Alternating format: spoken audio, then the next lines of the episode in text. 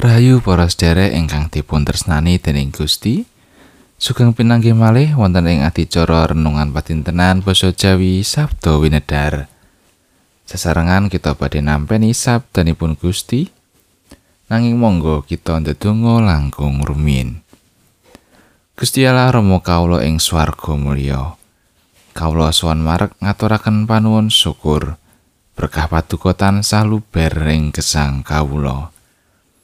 Ing wekdal mirunggan menika Gusti, kawula nyawisaken manah kawula saperlu nampeni sabda paduka. Sumangga mugi Roh Suci dedalem ing manah kawula.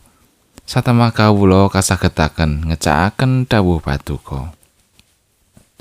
Tasih kathah dosa panerak kawula do Gusti, mugi paduka kersa ngapunteni. Wonten ing asmanipun Gusti Yesus juru wilujeng kawula, kawula ndedonga lan saos syukur. Amin. Waosan kapendet saking Jabur Mazmur bab 119 ayat 1 selikur ngantos 1 wolulikur. Kalersan sarta keadilan ingkang sampun kawula lampahi, kawula mugi sampun paduka ulungaken dhateng tiang ingkang nganiaya dumateng kawula. Paduka mugi kersa nanggel abdi paduka ing bab kasainan. Tiang ambek kumawasa sampun ngantos sami nindes dhateng kawula. Mripat kawula cecengklungen dhateng karahayan peparing paduka. Saha prasetya paduka ingkang adil. Abdi paduka mugi karengkuwa ingkang nyondong isih kadarman paduka. Saha paduka wulang bab pranatan paduka. Kawula menika abdi paduka. Mugi paduka paringi pangertosan. Supados kawula nyumerepi dawuh pepanget-pepanget paduka. Ing sakmenika sampun wekdalipun kagem Pangeran Yewah tumindak ing damel. Tiang-tiang sampun sami mbibrah angger-angger paduka. Mila kawula remen dhateng pepaken paduka. Nglangkungi mas sanadyan ingkang murni pisan. Menika sebabipun kawula gesang kanthi jujur selaras kalian sedaya dawuh paduka. Sakataing margining duracara kawula sengiti. Mekaten pangandikanipun Gusti ayat nas saking ayat 117. Mila kawula remen dhateng pepaken paduka nglangkungi mas sanadyan ingkang murni pisan. Puji Gusti, Kulo sampun rampung maos kitab suci saking kitab purwaning dumadi ngantos dumugi kitab wahyu. Kulo remen sangat maos kitab suci. Satemah saged mangertosi menapa ingkang dados pepakenipun Gusti Allah. Sinaosa pancen kathah perangan ingkang kula dereng mangertosi suraosipun.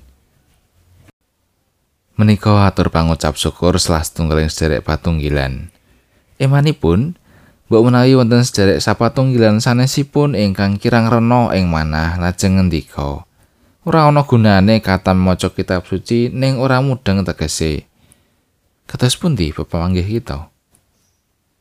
Sinaosa tiyang mau dereng saged mangertos kanthi wetah suraosipun kitab suci, ananging Gusti Allah saestu remen sanget nalika mirsani tiyang ingkang gadhahi krentek sarta pambudidaya ngudi kersanipun. Kapitadosan ingkang salugu sinarengan gumreg guting manahipun tiyang menika saestun renyuhaken penggalihipun Gusti Allah. Pramila sinaosa dereng saged mangertos kanthi jangkep katresnanipun dhateng pepakenipun Gusti Allah ndayani piyambakipun tansah ngorong lan ngupadosi menapa ingkang dados kersanipun Gusti Allah. Sang Roh Suci badhe nuntun satemah tiyang menika sang saya dangu sang saya mangertosi sedaya pepakening Gusti. Lumantar khotbah dinten Minggu, panyuraos sing kitab suci, sarta wan rembak kalian para pamulang. Tiang mau sang saya kasagetaken nyumrepi isining kitab suci. Pepakening Allah menika langkung aji tinimbang Mas Raja Brono ingkang edipeni. Pramila sumangga kita tansah remen maos lan nyuraos kitab suci. Pangandikanipun Gusti Allah menika minangka dilah ingkang nuntun lampah satemah gesang kita tansah jejeg miturut kersanipun sabdanipun Gusti Allah menika ngemutaken kita nalika badhe kapilut ing panggoda sarta ngiyataken manah kita nalika semplah. Rahayu sedaya tiyang ingkang tresnani paugraning Gusti Allah. Amin. kitab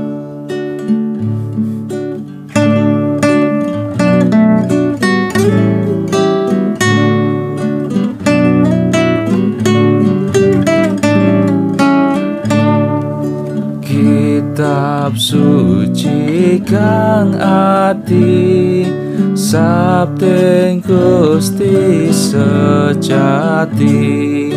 Indah sang langkung indah nugroho saking Allah.